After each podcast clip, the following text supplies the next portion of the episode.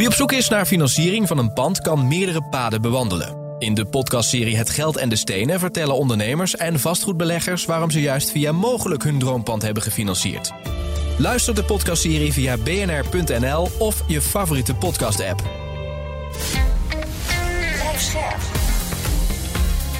BNR Nieuwsradio. Vastgoed gezocht. Maarten Bouwhuis en Maarten de Gruiter.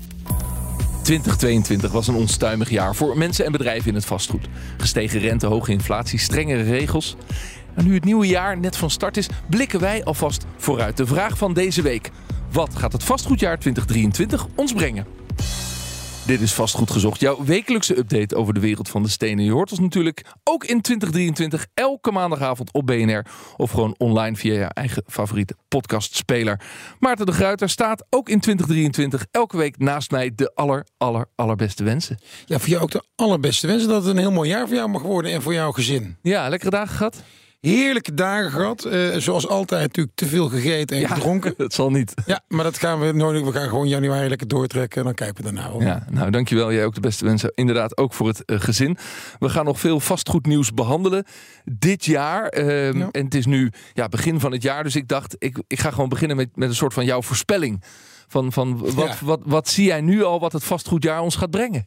Ja, want het was. Jij, jij zei een onstuimig jaar in de intro.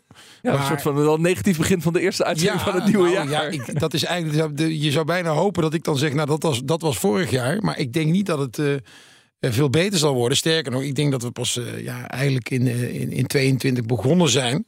En dat 23 nog veel lastiger gaat worden. In ieder geval in mijn branche. hè. Dus ehm, ja, En nou, waar, waar zie je dat aan? Aan Wat is dan een voorbeeld van waarin het dan dus ook in 2023 onstuimig kan worden? Ja, nou ja, je ziet eigenlijk dat de afgelopen jaren ongeveer 50.000 woningen eh, gerealiseerd. En, en eh, we willen naar de 100.000. Ja, per jaar. Ja, dat is dan zeg maar eh, de, de, doelstelling. Ja, terwijl wij natuurlijk gewoon zien in, in de markt. En ik zie natuurlijk bij ons, maar bij onze concurrenten.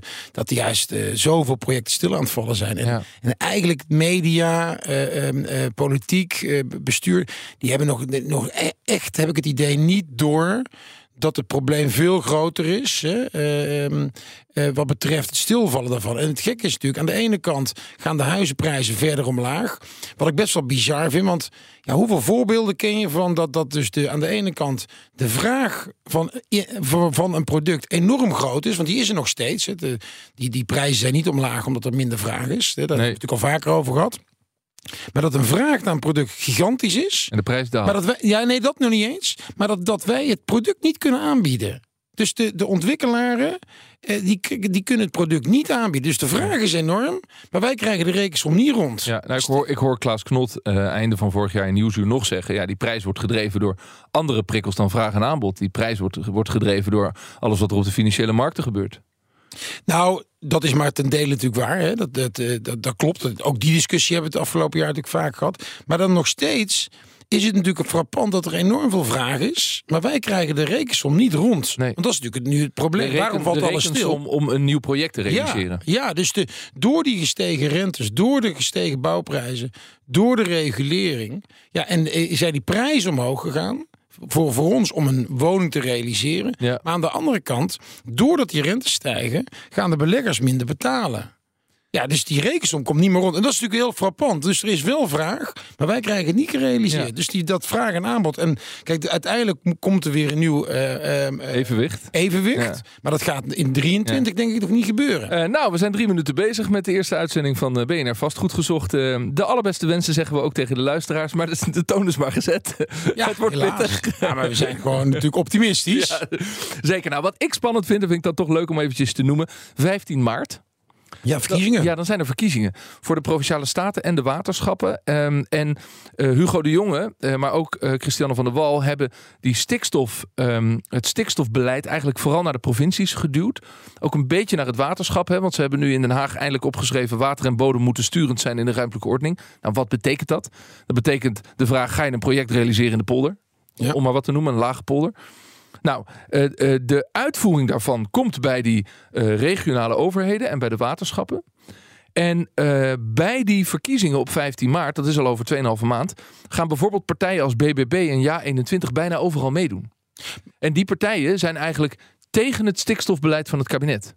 Dus dat wordt bij de onderhandelingen van een nieuw college bij Provinciale Staten ontzettend spannend. En daar kan echt nog wel eens een spaak in het wiel komen van de ideeën die het kabinet heeft over hoe de provincies invulling moeten geven aan uh, het stikstofprobleem Maar, oplossen. maar Ja 21 en de, de BBB die zijn toch tegen het stikstofbedrijf, wat toch zou betekenen dat het juist toch weer makkelijker wordt om te bouwen. Ja, dat zou je zeggen. Alleen de rechter heeft beslist er moet minder stikstofuitstoot komen. Dus we moeten bijvoorbeeld boeren gaan uitkopen.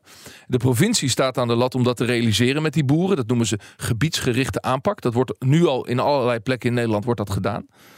Maar als BBB zegt we doen niet mee met die gebiedsgerichte aanpak en we zijn wel aan de macht in die provincie, dan komt dus die stikstofuitkoop niet. En dat betekent dat er geen stikstofruimte is en dat betekent dat we niet kunnen bouwen. Maar we kunnen niet terug naar om de regeltjes gewoon aan te passen.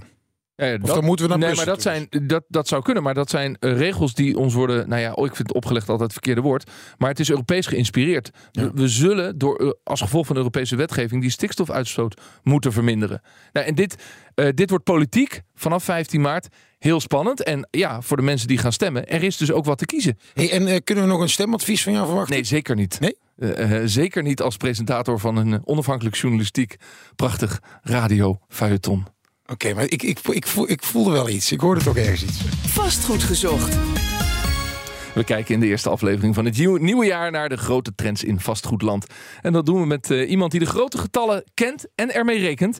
Ook wel genoemd de man van 125 miljard. Zag ik een paar jaar geleden in een artikel voorbij komen. Dick Boer van Van Landschot Kempen. Van harte welkom, Dick. Hey Maarten, goed je weer te zien. Ja, die 125 miljard, waar kwam het eigenlijk vandaan? Ja, dat is inderdaad een getal wat ooit een keer een paar jaar geleden genoemd werd. En dat was het eh, totale aantal transacties eh, eh, wat ik begeleid zou hebben. Maar Ja. dat is inderdaad een getal wat een paar jaar oud Ja, is. precies. Nou, wij kennen elkaar van vroeger, want we zaten op dezelfde middelbare school. Ja. En, en waren toen vrienden. En jij was toen al bezig met beleggen. Je hield grafieken bij in een soort voorloper van Excel. Begin jaren 90 ben je daar ooit mee gestopt eigenlijk? Eh, ja, het was niet zo heel succesvol. Dus eh, op een gegeven moment dacht ik, ga met andere dingen doen. Je staat dus nu aan het hoofd van het vastgoedteam van, eh, van Landschop Kempen. En je, je runt de boel bij Corporate Finance. En over een maand verkast je dan naar investment banking. Nou, een hele hoop woorden bij elkaar. Hoe leg jij op een verjaardag uit wat je doet eigenlijk? Nou, heel simpel eigenlijk. We helpen mensen die bedrijven hebben die geld willen ophalen of die hun schuld willen herfinancieren. En dat kan zijn het verkopen van bedrijven, het aankopen van bedrijven, maar ook beursgangen Ja. en aandelenemissies. En dat doe je in Europa. Dat doen we voor vastgoed inderdaad eh, door heel Europa. Ja, precies. Want als je bedrijven helpt, eh, fusies, eh, overnames, beursgangen. Waar zit vastgoed dan in dat rijtje? Ja, ook vastgoedbedrijven gaan naar de beurs. Hè. Neem CTP in Nederland van Raymond Vos. Hè, wat groot zit in logistiek in Tsjechië. En die komt op de Euronext Amsterdam wordt die, genoteerd. En die doet een half jaar daarna doen ze een overname in Duitsland. Ja, dat zijn twee transacties eh, die wij begeleid hebben. Juist, precies. Nou ja, dat geeft jou dus wel een blik of een soort beeld op wat er gebeurt. eh, ook in die Europese vastgoedmarkt. Daar wil ik heel graag met je over praten. eh 2023 behandelen. Maar eerst nog even terug naar vorig jaar. Welk van alle ontwikkelingen had nou het meeste impact op, op jouw werk en wat jij hebt zien gebeuren? Was dat de rente, de inflatie, stijgende energieprijzen of de regulering waar Maarten het altijd over heeft? Ja, nou dat laatste wat minder. Maar ik denk wel dat alles aan elkaar gekoppeld is. En ik denk dat hè, de oorlog in Oekraïne heeft geleid hè, tot een stijgende inflatie. Dat heeft geleid tot een heel snel stijgende rente. En als je kijkt wat er eigenlijk in de laatste twee kwartalen eh, van vorig jaar gebeurd is... is de rente heel hard omhoog gegaan. En dat heb ik in de afgelopen twintig jaar niet gezien. Nee. En dat heeft geleid tot ja, onzekerheid. Hè, hoeveel geld kan ik nog lenen? Hè, wat zijn de kosten die daarmee gepaard gaan? Eh, wat heeft geleid dat er veel minder transacties hebben plaatsgevonden? Hè, dus er is echt een vacuüm ontstaan eh, aan het eind van, eh, van 22. Ja. Je, je had het net even over de oorlog. Hè? Wat heel vaak mensen zeggen is van... eh, ja, maar als die oorlog nou stopt, dan, eh, hè, dan gaat het allemaal weer beter. Hoe, hoe, even los van het feit dat ik denk dat dat niet gaat gebeuren op korte termijn. Maar hoe groot is die impact als morgen die oorlog eh, wel stopt? Nou, er zijn natuurlijk ook eh, iets verder van ons huis. Hè. In Amerika hebben ze iets minder last van eh, de oorlog die in hun ogen in onze achtertuin eh, plaatsvindt. Daar is die rente natuurlijk nog veel harder gestegen. Ook omdat ze daar veel meer economische groei nog, nog hebben. Ehm, dus ik denk die oorlog zal wel wat impact hebben. Hè, maar eh, het rentebeleid gaat niet wijzigen van de een op de andere dag als de oorlog straks eh, afgelopen En is die in Amerika nou hoger omdat ze in Amerika gewoon altijd sneller die pijn pakken? Nou, eh, ja en nee. Amerika heeft nog een heel eh, stevig groeiende economie. Heeft ook een bevolking die groeit. Eh. Aan de ene kant proberen ze muren te plaatsen, maar aan de andere kant zijn nog veel mensen die nog steeds naar Amerika trekken en daardoor de economie laten groeien. Als je groei hebt, dan kun je wat makkelijker de rente laten stijgen. In Europa hebben we niet echt een groeiende bevolking. Eh, hebben we ook niet heel veel economische groei. Hè, dus dan kan je hier de rente ook niet eh, de pan uit laten En stijgen. sterker nog, we hebben een vergrijzende bevolking. De kosten worden alleen maar hoger. Ja, nou, en dat is, eh, dat is langer termijn is dat best een probleem. Ja. Plus, als je in Europa collectief de rente gaat verhogen, dan zijn er wel een aantal landen die je dan toch wel echt de problemen indrukt. En ik, Griekenland, daar praat niet iemand meer over. Maar Italië is natuurlijk degene waar iedereen op dit moment heel erg gefocust naar zit te Ja. kijken. En je zei, Maarten? Ja, aan de andere kant, die, die, die hele hoge inflatie helpt ze dan toch ook wel weer, of niet? Want in hun schuldenlast. Ja, eh, eh, op termijn natuurlijk wel. Hè, maar op de korte termijn eh, moeten ze gewoon meer rente betalen. Ja. Eh, en dat is vervelend, want dat moet ergens vandaan komen. En dat kan maar uit twee hoeken komen. Dat is of eh, je moet eh, de bedrijven meer laten betalen... of je moet de particulieren meer laten betalen. Dit is natuurlijk een van de redenen eh, waarom alle overheden ook aan het duwen zijn. Van, Jongens, gooi die salarissen maar omhoog. Hè, want dan heb je in ieder geval wat meer geld collectief... eh, om belastingen te kunnen betalen. Of je zou minder kunnen gaan eh, uitgeven als overheid. Maar dat is in. Dat is Nee, ja, wat je ook wil is dat die overheden nu een beetje instappen. Die moeten helpen eh, de spanning omhoog eh, te houden. Dus de overheden moeten doen wat ze doen. maar ze drukken heel duidelijk drukken ze ook op de corporates. En, en wat ze aan de andere kant doen, om de kosten een beetje laag te houden, is bijvoorbeeld druk op de huren te zetten. En dat is best een bijzonder in vastgoedland. De enige sector waar je hebt waar de overheid ingrijpt, dat is in de woningmarkt. En dan zeggen ze van jongens, ja, eh, 3% of misschien eh, voor volgend jaar eh, looninflatie plus 1%. Dat is het maximum. Maar als jij eh, een, kantoor huurt of een logistieke hal, ja, dan krijg je gewoon eh dubbeldigit inflatie krijg je aan je broek. Ja, want dat is gewoon een vrije markt. Daar, daar is een treedt- vrije treedt de markt. overheid niet in. Nee. Je zei al even, er is een vacuüm ontstaan in die laatste kwartalen van afgelopen jaar. Dat zag jij dus ook in de deals waar je bij betrokken eh, eh, werd. Daar, daar, daar viel het in één keer stil. Ja, dat viel eh, in één keer stil. eh, met name in een aantal verkoopprocessen die wij ook door Europa heen begeleiden. En daar zaten er best een aantal grote bij, eh, zelfs nog boven de miljard euro. Nou, in dat soort grote transacties heb je helemaal niets gezien in Q4 afgelopen jaar. Eh, maar ook de transacties van 3, 4, 500 miljoen is het bijna volledig stilgevallen. En wat merk je dan? Eh, dat kopers eh, wel biedingen uitbrengen. Maar die zijn dermate laag dat ze zeggen eigenlijk... ja, als ik hem krijg, hè, dan ben ik spekkoper. Ja, Maar mis ik hem, ja, dan heb ik ook niet het gevoel dat ik iets gemist heb. dat doen sommige mensen op de woningmarkt ook. Ik denk, dit is wel een tof huis, ik leg gewoon een bod neer. Ik leg gewoon een bot neer en ik, en ik kijk wel wat er gebeurt. Ja, Ja. precies. Eh, een paar weken geleden kwam Blackstone ook met een bericht van... eh, we stellen de lancering van een nieuw vastgoedfonds even uit. Stond toen in New York Times. Typeert dat dan de situatie waarin we zitten? Dat, dat zo'n grote partij, de grootste private equity partij Blackstone zegt... ja, we gaan ook dat fonds niet, eh, niet lanceren? Ja, dat denk ik wel. Eh, maar gevoelsmatig zeg je, je moet juist nu een fonds gaan lanceren. Oh ja? hè, want als namelijk die waardes wat naar beneden komen... en dat verwacht iedereen toch wel... eh, en de cijfers zijn nog niet uit van wat het eind vorig jaar is geweest. Hè, maar dat kan, ieder moment kan het naar buiten komen. Iedereen verwacht hè, een beetje 3, 4, 5 procent eh, afboekingen hè, per jaar einde. Op, sorry, waar, op waar precies? Op, op, op de waarde van het vastgoed. van het dus- commercieel Van vastgoed. commercieel vastgoed, hè, maar dat geldt ook voor woningen. Eh, ook die waardes hebben we de afgelopen maanden zien dalen. Ja. En ja, wanneer wil je kopen? Op het moment dat de prijzen naar beneden gaan. Maar ik snap Blackstone wel. hè, nu de marketingmachine aanzetten om geld op te halen. terwijl in de kranten vol staat, hè, de waardes gaan omlaag. Ja, is niet een lekker moment om geld op te halen. Maar je moet wel straks gaan kopen. Je moet wel klaarstaan. Dat, is natuurlijk helemaal waar. Dat is ook mooi. Maar dat is natuurlijk ook de mooie paradox. Want als iedereen dit zou doen, dan zouden de prijzen ook niet omlaag gaan. Nee, klopt. Dus dat is natuurlijk Klopt. ook. Maar het is helemaal waar. Dit is, maar dat is natuurlijk ook de, de Blackstones. Die verdienen hun geld juist natuurlijk door in te kopen. Uiteindelijk over 12 maanden of wanneer- zeg het maar, 18 Ja, maanden. maar, maar jij, jij zegt, Dick, de waarde van commercieel vastgoed, ehm, ja, die is aan het dalen, die gaat dalen. We gaan daar binnenkort de cijfers van zien. Wat gaat er dan in 23 eh, eh, gebeuren met, met bijvoorbeeld kantoorgebouwen of inderdaad logistieke centra eh, qua, qua waarde? Nou, misschien nog even één stapje terug. Hè. Waarom gaan die waardes omhoog? Dat is niet alleen even omlaag. Dat is niet alleen omdat de rente stijgt. Hè, maar het is ook omdat je minder kan lenen. En een Ja. bank die leent jou eh, eh, afhankelijk van hoeveel huurinkomsten je krijgt. Dat vergelijkt ze met hoeveel rente en aflossing je moet betalen. Als die rente omhoog gaat, kan je minder lenen. En dat noemen ze hè, de loan to value. Maar dat betekent dat er ook meer eigen vermogen in moet. En daar wil een hoger rendement op maken. Dus alleen al op basis van dat sommetje moeten de prijzen gaan dalen. Dan hebben we één grote plus, is dat straks de inflatie inkikt en dat die huur omhoog gaat. Dus Ja. dat gaat het nog een beetje offsetten. Maar wij verwachten hè, dat er na hè, de daling van eind vorig jaar nog een keer een daling komt hè, in de eerste helft van het jaar. En dan denken we ook dat de bodem bereikt is. En op het moment dat investeerders voelen dat de bodem in zicht komt, Ja, dat is het, in onze ogen het moment dat iedereen massaal weer in gaat stappen. Want het geld is er wel. Hè. De Maar gaan we dat in 2023 al meemaken, dat moment? Of moeten we nog dieper en wordt dat 24? Of is, Nee. is dit de glazen bolvraag? Nee, ik denk dat eh, we in 23 hetzelfde zien als 22, maar dan precies andersom. Hè, de eerste helft van 22 was goed, de tweede helft van 22 was slecht. We denken dat de eerste helft van 23 slecht wordt en de tweede helft weer heel goed. Ja, en dan zeg je, oké, maar dan dat geld is er wel. Dus partijen kunnen dan instappen. Dat is misschien ook de reden dat je zegt, eh, ze zouden wel zo'n fonds moeten starten, want ze moeten klaar zijn om te kunnen instappen. Ja. En, en welke partijen gaan er dan als eerste wel vastgoed kopen? Eh, kun je die dan typeren van ja, die hebben dat geld Ja. liggen, dus die gaan. Nou ja, neem alle pensioenfondsen en de verzekeraars. Hè, jij bent niet gestopt met pensioenpremie te betalen. Hè, dus dat Al geld, jaren geleden, maar goed. Nou, dan moet jij misschien in vastgoed gaan investeren binnenkort. Nee, maar hè, die krijgen op dagelijkse basis krijgen die inflow. Hè, die hebben het afgelopen kwartaal, hè, of twee kwartalen, hebben ze eigenlijk niks gedaan. Ja. Verkocht zelfs. Hè, verkocht zelfs. En de reden waarom ze verkopen, dat is trouwens ook nog wel een grappige. Als jij een pensioenfonds of een verzekeraar bent, hè, dan spreek je intern af. Nou, wij doen 10% doen wij in vastgoed. Maar van die 10% is 90% niet beursgenoteerd. En de laatste waardes die je daar hebt zijn van 30,6 vorig jaar. Ondertussen gaat de hele markt naar beneden. Oftewel, de waarde van je vastgoed wordt relatief groot in je totale portefeuille. Oftewel, dan moet je verkopen. Nou, wat verkoop je het eerst? Is je beursgenoteerd? Dat zien wij veel harder afkomen dan welke sector er ook. Dus daar zit te veel sales pressure in. De tweede stap is dat je dan je niet genoteerde fonds gaat verkopen. Nou, hebben we ook allemaal in de krant kunnen lezen. Blackstone in de UK, iedereen die een non-listed fund heeft, zegt... je mag je aandelen nu niet meer verkopen, want wij kunnen die stenen niet verkopen. Maar dat is heel duidelijk een indicatie dat er heel veel verkoopdruk is geweest.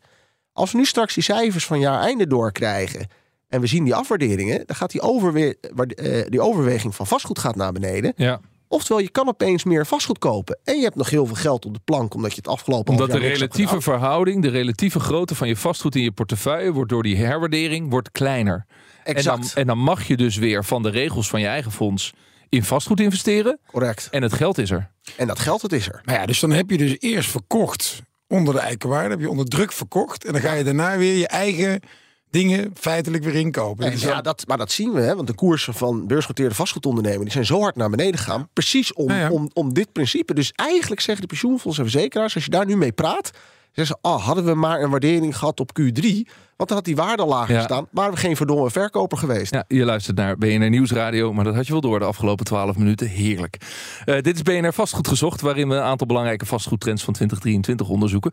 Onze gast komt uit het bedrijfsleven. We legden deze vraag ook neer bij de wetenschap. Collega John van Schagen sprak met Peter Boelhouwer, hoogleraar woningmarkt aan de TU Delft. of hij het vastgoedjaar 2022 even voor ons zou kunnen samenvatten. We zijn van een, eh, een enorm groeiende markt en een stijgende markt toch wel in een eh, recessie terechtgekomen. Met name door de enorm gestegen hypotheekrente en door het vertrouwen wat weggevallen is. Een omslag dus. En ook nog steeds een neergaande trend. Ja, en dan is natuurlijk de logische volgende vraag: hoe lang gaat dit nog duren? Ik geef wel eens aan, het is nog nooit zo moeilijk geweest als nu om het, om het goed te voorspellen. Maar er lijkt wel wat kleuring nu eh, te komen, wat duiding. Je ziet dat de, de rentes nu toch, de lange rentes weer wat aan het dalen zijn. Nou, ik ga ervan uit dat die een beetje stabiliseren nu. Laten we hopen dat die niet verder stijgen. Nou, dan kun je verwachten dat eh, de woningprijzen nog wel eh één of twee kwartalen verder wegzakken. En dat in de tweede helft van volgend jaar er, eh, er wat stabilisatie zal plaats kunnen vinden. De nieuwbouw, dat blijft natuurlijk echt heel problematisch. Je ziet dat al vijf kwartalen de bouwvergunningen aan het, aan het afnemen zijn. In het kader van stikstof, de omgevingswet, ja, ook de, de maatregelen rond de huursector. Verwacht ik dat die, eh, dat die nieuwbouw eh, vanaf dit jaar echt gaat dalen, gaat afnemen. En wat ook spannend wordt, hoe beleggers gaan reageren. Met name eh, de kleinere beleggers die zullen vermoedelijk massaal gaan uitstappen. En gaan verkopen. Dat heeft natuurlijk ook allemaal effect op de koopmarkt. En heel spannend is of institutionele beleggers blijven investeren. Dat is een beetje een onduidelijk beeld uit die sector. Dus eh, nou, dat wordt heel spannend wat die gaan doen. Nou, tot zover is het dus niet een heel positief beeld wat Boelhouwer hier schetst.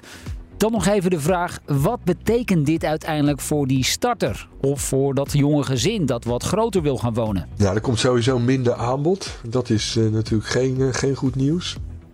Er zal wel op de koopsector zal er, zal er meer aanbod komen als particulieren gaan, gaan verkopen. Maar de betaalbaarheid blijft onder druk staan door die hoge rente. Dus ja, er komt wel meer aanbod op de markt. En de prijzen zullen nog wel wat verder wegzakken. Maar of dat voldoende is om die uh, leencapaciteit te gaan opvangen die, die afgenomen is, dat, dat moeten we gaan zien. Dus eigenlijk zijn er voor maar weinig groepen echt veel lichtpuntjes te, te ontwaren. Herkenbaar in zijn toon. Peter Boerhouder was dat van de TU Delft. Um, ja, het klinkt ook niet echt optimistisch allemaal, hè Maarten? Nee, nou weet je, ik zit er te luisteren. Waar ik dus zo boos om hoor, is, is als je dus weer hoort... uit hij vertelt dat al vijf kwartalen... Ja bouwaanvragen omlaag gaan. Dan zitten ze toch echt, dan zit toch de bestuur en politiek te slapen, te slapen, te slapen. Dat ze maar met meer regulering en met meer dingen komen. Dus hij is onbegrijpelijk. De bekendste bouwprofessor van Nederland. Uh, er wordt naar hem geluisterd. Uh, hij schrijft er rapporten over en er gebeurt dus niks, zeg jij. Ja, maar er, Wordt, er wordt er niemand geluisterd nee. door, door, door de politiek. Uh, blijf het roepen, zou ik zeggen. We praten verder met Dick Boer van, uh, van Landschot Kempen. Uh, ja, wat de grote beleggers doen ten aanzien van nieuwbouwprojecten, dat wist Peter Boerhouwer even niet, maar jij weet het wel. Ja, nou, ik denk dat zij eh, op dit moment ook eh, terughoudend zijn. En waar iedereen op zit te wachten is eigenlijk eh, eerst de stilstand en daarna krijg je weer de vooruitgang. wat wij zien is dat de materiaalkosten al hard aan het dalen zijn. je ziet dat de grote bouwers hebben nu nog wel projecten. maar voor de tweede helft van volgend jaar droogt het wel wat op. dus ik denk dat ook de bouwers wat eerder gaan proberen werk aan te nemen. Ja, dan, dan gaan de kosten naar beneden. de kosten omlaag. Ja, dat is, ik, ik, ik ben het met je eens. Dus die theorie, daar, daar hopen wij natuurlijk als ontwikkelaar ook een beetje op. Maar wij merken dat toch nog niet. Het is wel de hele tijd de verwachting. Maar we merken het nog niet. Hè. Gewoon nu, als wij nu met eh, aannemers praten, dan zit het nog steeds veel te hoog. Dus dat is wel, dat is wel heel bijzonder, interessant om te gaan zien. Want iedereen zegt het, zelfs de aannemers zelf. Maar wij merken het nog helemaal heb je, wat, niet. Bij jou is het ook een theorie of heb je meer signalen dat je denkt dat gaat vanaf april wel gebeuren? Nou, ik heb, hè, wij spreken ook met bouwers en er zijn er wel een aantal scenario's aan het doorrekenen. En waar ze zeggen, jongens, als dit de verkeerde kant uit gaat. Ja, eh, scenario 1 is eh, blijven doen wat we doen. Scenario 2 is 10% van de mensen eruit. En scenario 3 is 20% van de mensen eruit. Ik ben het helemaal met je eens. Hè, want het, het kan niet anders. Want als, als die bouw maar steeds minder wordt, dan uiteindelijk krijg je dat. Maar je merkt het in de markt zelf nog niet. Ik had wel nog een andere vraag. Peter Boelauw heeft het, uh, had het over. Ja, ik hoop of verwacht, ik weet even niet wat hij zegt over dat de rente niet meer stijgt. Maar hoe kijk jij er tegenaan? Want ik kijk er toch anders tegenaan. Nou, wat je ziet is dat uh, je hebt op dit moment een inverse rentecurve. Dus dat betekent dat de langetermijn rente die staat lager dan de korte termijn rente. En dat is wel vaak een indicator eh, dat over termijn eh, die rente wel weer gaat eh, dalen. op dit moment eh, zijn de signalen er eigenlijk niet. je ziet wel dat de centrale banken de rentestappen kleiner maken maar de enige reden waarom je een snel dalende rente zou hebben, is dat er in een recessie draaien en dat de centrale banken de rente verlagen. Nou de laatste signalen die wij krijgen is dat we helemaal niet snel een recessie gaan, maar dat het heel geleidelijk gaat ja, dan gaat die renteknop niet van de ene dag naar de andere dag naar beneden, in mijn ogen. Ja, um, twee aspecten wil ik nog even met je bespreken. Het herstructureren van schulden. Um, uh, Maarten noemde al eerder in onze uitzending met Credion uh, van een paar weken geleden... dat je dus een herfinanciering van vastgoed hebt. En dat je dus nu met die hoge rente in 2023 heb je dus een probleem als je moet herfinancieren. Klopt, hè, dat zien wij bij veel bedrijven hè, die historisch uh, langetermijn geld hebben ingelokt op lage niveaus op het moment dat ze nu moeten herfinancieren, dan zien sommige van onze klanten dat de rentekosten twee, drie keer zo hard omhoog gaan. Ja, dan hou je weinig aan cashflow hou je over. En daarnaast zie je dat banken een stuk kritischer aan zijn zijn. Dus die stellen veel meer eisen. En het zou ook kunnen zijn dat je loan to value omlaag moet gaan. Oftewel, je moet meer eigen vermogen bijstorten Hè, om jezelf de vastgoed te kunnen houden. En, en, dat triggert misschien wel gedwongen verkopen. Ja, dat is natuurlijk wel dat, dat ben helemaal eens. Maar dat is natuurlijk wel het grote voordeel ten opzichte van de andere. Hè, de vorige crisis is dat natuurlijk die loon te veel al lager is dan toen. Ja, klopt, die is lager. En de banken hebben ook veel minder problemen. Hè, maar wat je wel ziet is dat de toezichthouders hè, wel een stuk kritischer zijn. Hè. Dus het hangt er vanaf wie er aan de knoppen zit. Uh, ja. ja, jij, oh, oh. zei, ja, Maarten. Ja, jij, jij zei toen straks van ik, ik de eerste twee kwartalen uh, slecht, uh, de laatste twee kwartalen goed. Um, maar dat, dat verbaast mij een beetje, want als je gaat kijken naar de laatste crisis, duurde het natuurlijk veel langer voordat we zeg maar weer een beetje omhoog gingen. Ja, dat klopt. Alleen toen waren we een ander probleem aan het oplossen. En toen waren het financiële systeem waren we compleet aan het herstructureren. Dat is op dit moment is dat niet het geval. Dus wat zoeken we? Eigenlijk voor een opgaande markt moet je eerst een bodem bereiken. Nou, en, wij denken dat we die halverwege volgend jaar dat we die wel krijgen. Met dit optimistische dit, bericht. Is lekker, dit. is toch heerlijk. Eerste uitzending van 2023. Stoppen, stekken eruit. Het is even doorbuffelen tot de zomervakantie. Ah, dan gaan we naar Italië toe. En als we dan terugkomen dan schijnt de zon, Dick. Gelukkig nieuwjaar. Dick Boer van Van Landschot Kempen. Dank voor dit gesprek over de vastgoedmarkten in 2023. Maarten de Gruiter, Boelens de Gruiter, dankjewel. Ja, ik ben helemaal, ik ben helemaal toch eh, zo fijn. optimistisch. Dit is Volgende- fijn. wij zijn er natuurlijk volgende week weer. 2023 kan maar begonnen zijn, zo is het toch Maarten? Zeker. En nogmaals, gelukkig nieuwjaar. Bedankt voor het luisteren. Tot volgende week. Dag. Vastgoed gezocht wordt gesponsord door Mogelijk. Mogelijk. Vastgoedfinanciering voor ondernemend Nederland.